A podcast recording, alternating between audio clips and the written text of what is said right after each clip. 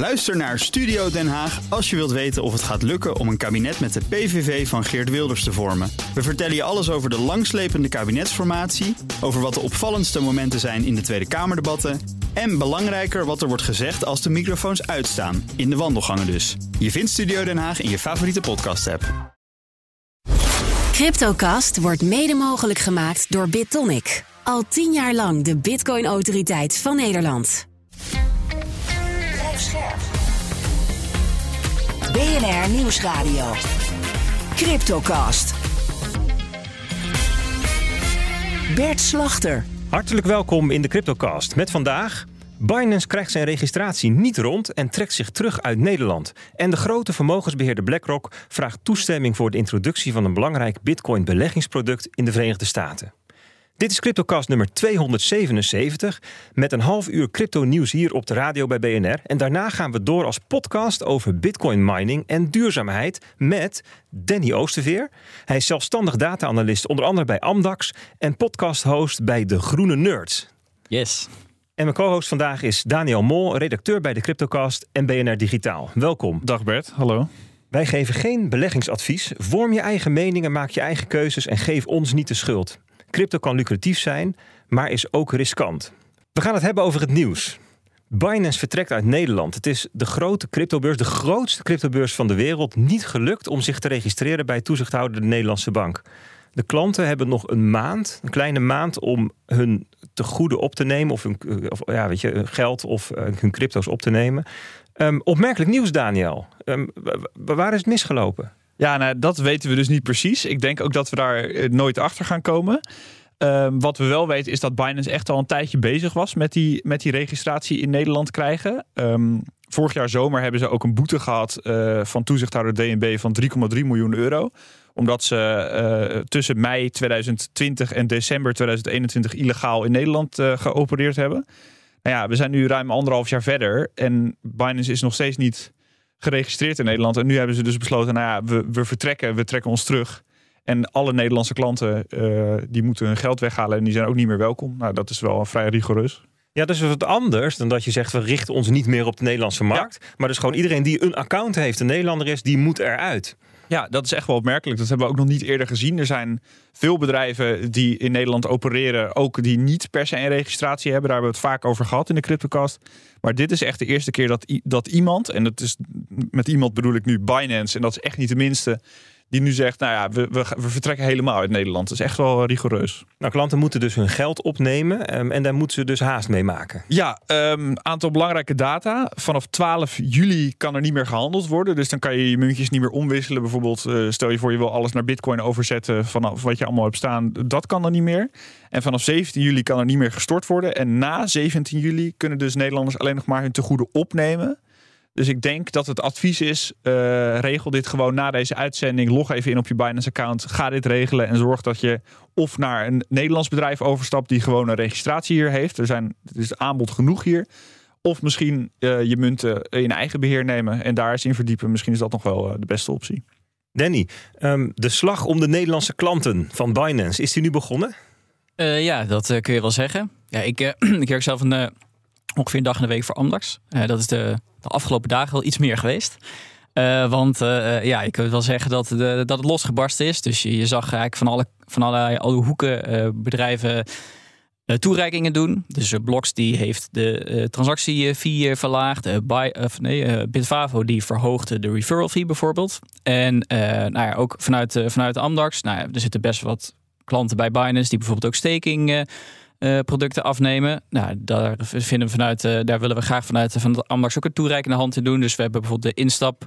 Uh, we hebben ervoor gekozen om de instap van 10k naar 2,5 te verlagen. Om nou, op die manier te zorgen dat we ook aantrekkelijk worden voor, voor klanten van Binance. Ja, dus alle partijen die kiezen eigenlijk hun eigen manier om hier wat van te profiteren. Hè? Want dat, ja, de een zijn dood is de ander zijn brood, zeggen ze dan. Hè? Ja, nee, dat klopt. Ja, er zitten toch behoorlijk wat klanten bij Binance. Dus ja, het is ook niet zo gek dat, ja, dat iedereen met een marketingbril op ja, hierop, hierop springt. Ja, en het is ook nog misschien niet eerder voorgekomen dat, dat er, bedoel, we zitten al in een markt Die nu, we zitten in een, bear market, dus, dus er komen niet heel veel nieuwe klanten bij op dit moment, kan ik me zo voorstellen. Maar ineens zijn er best wel wat klanten vrijgekomen. En dat, dat is ook weer zo'n scenario wat we nog niet eerder hebben gezien. En ineens een hoop Nederlandse klanten die voor het oprapen liggen. Dat vind ik wel eh, spannend. Ja, wie, wie vangt ze? Hè? Ja, wie is het best ja, in staat om ze te vangen? Ja, dat, ja, ja, dat spel begint nu. Ja. Hey, Daniel, is er dan nu ook kans dat andere internationale bedrijven ook weg moeten uit Nederland? Nou ja, van de, van de grote eh, clubs die hier in Nederland opereren, heeft eigenlijk alleen Coinbase de, de, de, als internationale partij een registratie. Dat is ook nog niet zo heel lang. Eh, maar heel veel andere exchanges die ook echt wel groot zijn, eh, die N- Noem er eens een paar. Wat voor grote eh, zijn er nog? Nou ja, bijvoorbeeld Huobi, OKX, eh Bybit. Dat zijn allemaal echt Ja, wel precies. namen die, die je altijd in de lijstjes voorbij ziet komen. Die dan, als je zoekt in het DNB-register, die zijn hier gewoon niet geregistreerd. Ehm, en dan is de conclusie die je misschien wel kan trekken. Nou ja, eh, als Binance nu kiest, oké, we gaan we stoppen helemaal met Nederland. In plaats van we richten ons niet meer op de Nederlandse markt. Want dan kan je bijvoorbeeld denken aan geen website in het Nederlands, geen IDO aanbieden, dat soort dingen. Nou ja, als, dat de, als de conclusie nu is van Binance, we stoppen helemaal mee, dan is, die, is dat misschien ook wel een, een toekomstbeeld voor, voor die andere internationale partijen. Dat is echt wel iets om rekening mee te houden. Ja, dat is bijzonder. Nu is het natuurlijk de vraag, ze zijn nu weg. Blijven ze ook weg? Hè? Want in, in, eh, in Europa is ehm, recent MiCA aangenomen. De wet die de cryptomarkt gaat reguleren. Ehm, eh, het is gepubliceerd in Staatsblad. Dus de klok is gaan lopen van 18 maanden... waarin de toezichthouders ehm, hun loket moeten gaan voorbereiden. Denk je dat Binance nog een keer terugkomt... in de vorm van ergens MiCA geregistreerd? Nou ja, dat, ik, dat is denk ik heel erg onderdeel van het plan. Ehm, ik kan me niet voorstellen dat de, de- Nederland is echt wel een belangrijke markt, klein land, maar echt wel heel veel eh, mensen die, die crypto gebruiken en ermee bezig zijn. Dus ook voor Binance een belangrijke markt. En dan is zo'n Europese wet, eh, wat je net noemt, MiCA, die eh, als je op, in één land geregistreerd bent, waarschijnlijk gaat dat voor Binance Frankrijk worden, dan heb je toegang tot heel Europa. Ehm, en dat is nu, moet je dus in, in, in ieder land individueel registreren, wat eigenlijk heel veel eh, gedoe oplevert. Nou, Binance gokt er waarschijnlijk op dat dat in Frankrijk allemaal goed gaat. Dat zij die, die eh, vergunning daar krijgen en dat ze zo via, via MiCA overal in Europa, dus ook in Nederland, weer gewoon terug kunnen keren. Ja, jij zegt dat nu. Dat gaan ze in Frankrijk even doen. Maar ik Ja. hoorde dus dat ook de, het Franse Openbaar Ministerie... die is een onderzoek gestart tegen, ja, tegen Binance... voor ehm, eh, witwas, het, onvoldoende toepassen van witwaswetgeving. Ja, het is wel belangrijk om te zeggen dat dit, dit gaat over de periode voordat Binance een vergunning kreeg in Frankrijk. Want in de zomer van 22 hebben zij een vergunning gekregen in Frankrijk. Is wel grappig, we zagen dan toen ook fotootjes van CZ, de topman van Binance, met Macron Ja, ja, ja, in het paleis van Versailles, weet je wel. En eh, ze hebben allerlei donaties gedaan aan Frankrijk. Nou, echt een, echt een heel... eh, Ja, een pot van 100 miljoen. Hè? ja, echt, is ja, echt een, echt een, echt een zo'n charme-offensief wat je, wat je normaal... Is bijna een soort diplomatiek charme-offensief. Nou ja, en nu worden ze dus onderzocht voor het illegaal werven van klanten en witwaspraktijken in die periode voordat ze die vergunning krijgen. Dus daar zit ook wel wat kou aan in de lucht. Ehm Binance zelf die ontkent eigenlijk dat dit iets bijzonders is. Ze zeggen het is een routineonderzoek. Dit hoort bij het krijgen van zo'n vergunning. Dat het Openbaar Ministerie een onderzoek gaat doen. Nou, dat is iets wat ze wel vaker zeggen. Dat de downplayen, dat doen ze vaker. Maar dit is toch wel eh, pijnlijk. Want je zou zeggen, oké, Frankrijk... We gaan ervan uit, Frankrijk wordt de toegangspoort van Binance tot Europa. Eh, maar als zij dus nu al een beetje in de clinch liggen met, met het Openbaar Ministerie en misschien straks ook de toezichthouder, dan is, het, dat- is dat ook weer moeilijk. Dus inderdaad, het is nog maar de vraag of zij. eh, of we ze misschien ooit nog terug gaan zien in Nederland. Dat klinkt raar, maar. Ja, nou ja, Binance heeft wat dat betreft wel een, eh, een bijzonder lijstje van landen waar ze allemaal ruzie hebben met toezichthouders of openbaar ministerie. Want Verenigde Staten, daar is het Ja. natuurlijk ook heftig gevecht gaande. ja. Nee, het is, het is, het is, Binance heeft het zwaar. En het legal team van Binance die heeft het, die heeft, die zijn volgens mij echt overwerkt. Gelukkig was er, gelukkig voor Binance zou ik dan zeggen, eh, positief nieuws ook nog wel. Eh, vorige week hebben we het gehad over die oproep. Die best wel opmerkelijke oproep van Binance. Van joh, eh, Amerikaanse klanten, haal je geld bij ons weg. Want de toezichthouder gaat onze tegoeden bevriezen. Ehm, nou, dat is best een, extreem, een extreme maatregel. Maar de, wat de SEC daar wilde. Maar nu heeft de rechter gezegd: oké, dat gaat niet gebeuren. Ehm, en dat is dan ja, een kleine overwinning voor Binance. Maar eigenlijk zitten ze nog steeds hartstikke in de problemen. En dat, dat gaat ook nog wel even duren, denk ik. Mooi. Nou, ik ben, ben heel benieuwd hoe het met ze Ja. uitpakt. Ja. Nou, ik vind het ook wel een mooi moment om naar de koers te gaan kijken. De Bert, normaal bel jij bij ons in, maar nu ben je onze presentator. Dus ik ben benieuwd. Vorige week hebben we dat bloedbad gezien. eh, eh, onder altcoins met name. Door die rechtszaak eh, die de SEC is gestart. Hoe is het nu? Hoe is het deze week? Ja, klopt. Dus de toezichthouder, de SEC, die heeft um, een, in, in de aanklachten een aantal, um, ja, eigenlijk, eigenlijk de complete top 15 van cryptoactiva als security bestempeld. En nou ja, de, complete altcoin-markt uh, verloor 20 tot 30 procent. Uh, in het rood. En dat is um, opvallend genoeg gebleven, terwijl Bitcoin inmiddels weer hersteld is naar min of meer de, de startkoers van de maand juni en waar het hele maand mei is uh, gebleven. Dus um, uh, ja, ik, had, ik had persoonlijk ook eigenlijk wel verwacht dat um, naarmate de onrust wat zou wegebben, dat ook die, die, die, die koersen wel weer zouden herstellen. Dat er toch wel wat in paniek verkocht wordt. En dan nou, op een gegeven moment dan wordt het weer licht. Ochtends denk je van nou, het is toch minder erg dan het leek vannacht, weet je wel. En dat er dan weer teruggekocht wordt. Maar dat blijkt dus niet het geval. Ja, precies. Nee, en je ziet inderdaad die schrikreacties zie je vaker. We hebben ook twee belangrijke macro-economische cijfers gehad uh, deze week, waar, waar Bitcoin traditioneel gezien ook altijd wel heftig op reageert. Hoe was dat deze week? We kregen bijvoorbeeld een inflatiecijfer uit Amerika. Ja, ja dus de afgelopen, afgelopen week kijken we even op terug. Hè. En dan vorige week dinsdag um, um, werd de inflatie, de CPI-inflatie gepresenteerd. En uh, die, die was van 4,9 naar 4 procent gedaald. Een behoorlijke stap Klinkt omlaag. veel, ja. Ja, ja. Komt ook vooral door basiseffecten. Hè. Dus door, door een grote stijging vorig jaar, die dan nu uit het, het venster van 12 maanden valt. Dus dan moet je eigenlijk even kijken voordat je daar te grote conclusies op trekt. Hoe zit het dan met de maand op maand? Inflatie. Hoe gaat het dan nu met de prijspeil? En dat viel ook heel erg mee. 0,1% stijging. Ja, als je dat op jaarbasis zou pakken, hè, dan zitten we nu van de afgelopen maanden, de afgelopen drie maanden zo, zit je op 2%. Dat is hartstikke mooi. Maar Jerome Powell, die kijkt niet alleen maar naar de headline inflation, dus het, het, cijfer waar we allemaal zien, maar vooral ook naar de kerninflatie, waar het hardnekkige stuk zit. En dan zegt hij, ja, dat komt eigenlijk maar heel moeilijk omlaag.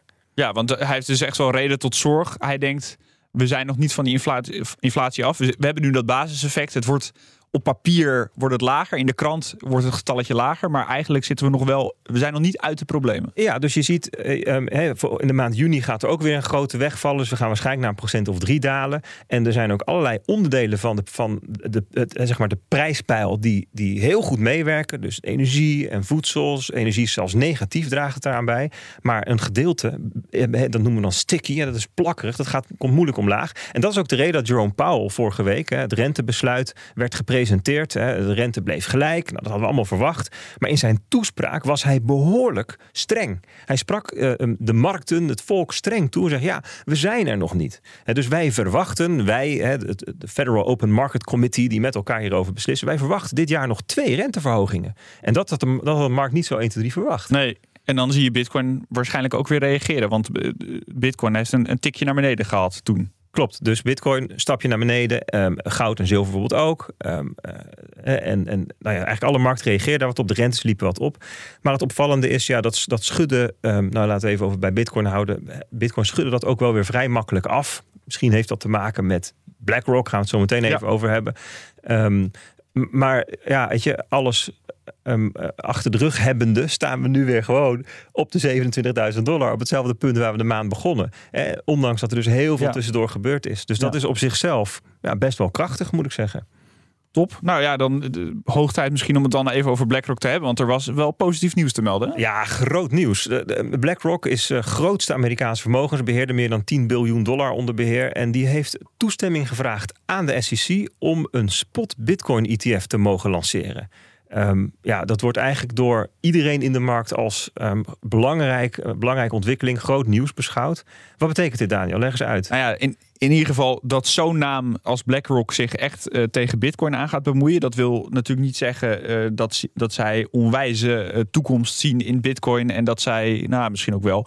Maar in ieder geval, er, er valt geld te verdienen met Bitcoin en zo'n beleggingsproduct. Um, het is een tijdje geleden dat we het over die ETF's hebben gehad. Dus misschien nog even uitleggen wat het ook alweer is. Uh, en waarom dat zo handig is. Want een ETF is een beleggingsproduct die je als het ware als een aandeel uh, uh, kan aankopen op je, op je beurs, op je broker. Um, en dat is handig, want dan hoef je dus niet met bitcoin bezig te zijn. Niet bitcoins op, op, een eigen, op, je, op je eigen manier te bewaren. Niet je aan te melden bij een exchange of een, of een crypto broker. Dat zijn allemaal voordelen. En dan kan je dus ook als je wat minder vaardig bent in die, uh, in die, in die space, kan je dus gewoon Bitcoin exposure creëren. Dat is, dat is wel heel interessant. Ja, als je bijvoorbeeld al een account hebt op zo'n platform. Hè? Dus in Ja. Ne- Nederland heb je bijvoorbeeld de Giro en Ja. Binkbank. Weet je, dat soort. En dan heb je in Amerika heb je die, er- heb je die ook. Ja, en dan komt dan straks dat product gewoon in. Ja. En dan kan je dat ineens kopen. Ja, dat is, dat is een, een, een belangrijk verschil met ehm, het zelf aanhouden van Bitcoin of het kopen van Bitcoin op een platform. Ehm, maar ja, een Bitcoin spot ETF. Ik kan me nog heel goed herinneren in 2021 op het hoogtepunt van de boelmarkt, oktober 21, dat er een heel rijtje Bitcoin ETF's werd goedgekeurd. Waarom is dit dan nu zo belangrijk? Ja, nee, dat was, was bijna een soort feestdag toen. De, toen Ja. de, de, de eerste van ProShares eh werd, werd goedgekeurd. De eerste Bitcoin Futures ETF werd goedgekeurd. Eh, die eh, brak gelijk ook records met volume op, een, op één dag. Ja, eh, iedereen blij. Maar dat is dus, eh, even belangrijk om uit te leggen, een, be- een beleggingsproduct van Bitcoin die gebaseerd is op derivaten. Dus echt niet op het aanhouden van fysieke Bitcoin. Wat een beetje gek klinkt bij Bitcoin, maar in ieder geval fysieke Bitcoin. Ehm, maar dus eh, papieren Bitcoin. Dus dat is echt, echt wel wat anders. Nou, waarom is juist dit dan nieuws? Ehm, BlackRock is sowieso een hele grote partij die dit gaat doen. Daar gaan we het zo nog wel even over hebben. En die spot ETF, die is al heel vaak afgewezen om allerlei redenen. Eh, de toezichthouder is daar heel eh, voorzichtig mee. En nu lijkt het toch weer te gaan gebeuren. Terwijl we het hier denk ik al nou, vijf jaar misschien wel over hebben. Dat dit echt een belangrijk eh, moment gaat zijn voor Bitcoin. En dus niet die futures ETF, die achteraf misschien niet zo'n hele grote impact heeft gehad. Maar die spot ETF, dat is toch wel bijzonder. En Dat dat, is de groot nieuws dit. De Holy Grail is dat dan. Nou ja, Ja. We, we zijn benieuwd, want ehm, de SEC, ehm, dus dat is de toezichthouder op de, eh, de, de effectenmarkt in de Verenigde Staten, die is maar, eh, al een tijd, maar de laatste maanden in het bijzonder, erg kritisch op crypto. Danny, waarom maakt eh, BlackRock eigenlijk kans, denk je? Ja, ik, ik zag een interessante datapunt voorbij komen. Het ging een beetje over het succesratio van de, de aanvragen voor, van, van ETF's door BlackRock. En ik zag dat zij hebben 576 aanvragen gedaan, waarvan er 575 zijn goedgekeurd en eentje dus niet. Ja, dat is natuurlijk wel heel indrukwekkend. Eh, eh, dus dat, dat, is in ieder geval een hele veelbelovende statistiek voor de aanvraag van deze spot E ETF. Dus jij zegt van, weet je, BlackRock, als BlackRock zoiets doet, dan eh, hebben ze daar heel diep over nagedacht. Bewijst hun succesratio. Er zit gewoon heel veel ervaring en, en, en dat, dat, dat zie je terug uiteindelijk in deze statistieken. En zij zullen dat echt niet zomaar eh, eh, eh, gaan, eh, gaan, gaan doen. Dus dat, eh, nou, ik ben heel benieuwd wat eruit gaat komen. Da- Daniel, waarom zijn eerdere spot-ETF-aanvragen eigenlijk afgekeurd? Ja, dat, dat, er is eigenlijk. eh, de, die spot ETF's gaat iedere keer mis, omdat de SEC, de, de, de beurswaakhond, dus heel bang is voor marktmanipulatie. Eh, en ehm, er zijn in het verleden al partijen geweest die dat hebben proberen weg te nemen door samen te werken met bepaalde exchanges eh, en dat soort dingen voor de aankoop en verkoop van die Bitcoin. Nou, nu eh, is, eh, probeert BlackRock dat ook weer. Maar nu hebben ze dus, wat je zegt, waarschijnlijk diep over nagedacht. Ze hebben een surveillance sharing agreement met, met be- be- bepaalde clubs aangegaan. Dat we, we weten niet precies wie dat We moet weten zijn. wel dat de Nasdaq is. We Ja. weten nog niet wie dan de beurs is. Ja, hè? dus de Nasdaq is al een hele grote naam. De technologiebeurs in Amerika. Eh, en, die, en dat handelsplatform waar, waar het dan over gaat, dat zou waarschijnlijk ook een partij zijn van, van zeg maar die orde grootte. Coinbase misschien wel. Ja, ze, ze doen hun custody bij Coinbase. En de Ja. geruchten gaan dat dat dan Ja. ook de partner is. nou ja, dat, dat lijkt een logische stap. Dat is natuurlijk ook een beursgenoteerd bedrijf in Amerika. Gaat daar overigens ook niet helemaal goed, want die ligt ook in een clinch met de toezichthouder, maar dat is weer een ander verhaal. Eh, dus de, de, het vermoeden is wel dat dit de angst van de toezichthouder gaat wegnemen. En dan heb je waarschijnlijk een scenario dat die spot ETF gaat goedgekeurd worden. En dan dat er misschien nog wel heel veel andere bedrijven dit ook willen gaan doen. Want dat is ook misschien aan de orde. Ja. Hey, eh, heeft BlackRock eigenlijk iets verteld over waarom ze dit willen? Eh, nou, dat heb ik niet eigenlijk kunnen vinden. Dat, maar ik denk dat zij nog, eh, omdat ze die aanvraag hebben ingediend, ik denk dat ze er weinig over zeggen tot ze goedgekeurd zijn bij de toezichthouder of niet. Dus dat is nog even de vraag. Maar het is natuurlijk wel heel duidelijk dat, dat hier geld in zit. En als zij de eerste zijn, dan zijn ze ook direct de belangrijkste. En dat is, eh, ja, daar zit echt wel wat in. Ja, interessant. Ehm, sinds de Futures ETF hebben wij de hoop op een spot ETF eigenlijk opgegeven. Er was alleen één bedrijf die er de afgelopen tijd nog mee bezig was. En dat is Grayscale. Dat is het grote Bitcoin fonds. Een gesloten fonds waar dus problemen zijn met het eh, goed aan de prijs gekoppeld houden van Ja. het aandeel van het fonds en Bitcoin. Ehm, waarvan iedereen hoopte dat ze ehm, konden converteren naar een ETF, naar een spot ETF. Ehm, dat lukt ze ook niet helemaal. Waarom denk je dat BlackRock kansrijker is dan Grayscale? Nou ja, sowieso al uh, de naam BlackRock. Uh, het feit dat BlackRock uh, hun nek uitsteekt. Dat, ze hebben, ze, die hebben natuurlijk heel veel ervaring met dit soort toezichthouders. Danny vertelde net 575 ETF's goedgekeurd en eentje afgekeurd. Ik ben benieuwd wat, wat er mis is gaan bij die ene dan. Misschien een tikfoutje of zo.